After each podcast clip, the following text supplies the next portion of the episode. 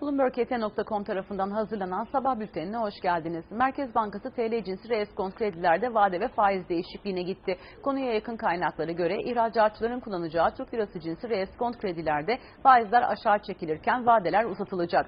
Derecelendirme kuruluşu Fitch Ratings Türkiye ekonomisinin bu yıl %4,5, 2023'te %3 ve 2024'te %2,9 büyümesini bekliyor. Kuruluş daha önce Türkiye'nin bu yıl %2,4, gelecek yıl %3,2 büyüyeceğini öngörmüştü.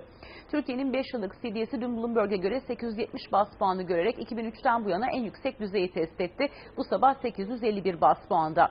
Wall Street Journal, Fed'in bu haftaki toplantıda 75 bas puan faiz artırım ihtimali değerlendireceğini yazdı. 2 yıllık Amerikan tahvil faizi Nisan'dan beri ilk kez 10 yıllık faizi aştı.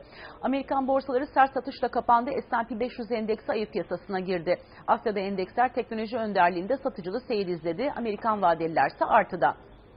Euro dolar 1.04'lere geçerken dolar endeksi tekrar 105'i aştı. Dolar TL 17.27, Euro TL 18.06'dan alıcı buldu. Spot altın 1826 dolardan işlem gördü. Amerikan tipi ham petrol 121, Brent ise 122 dolarda.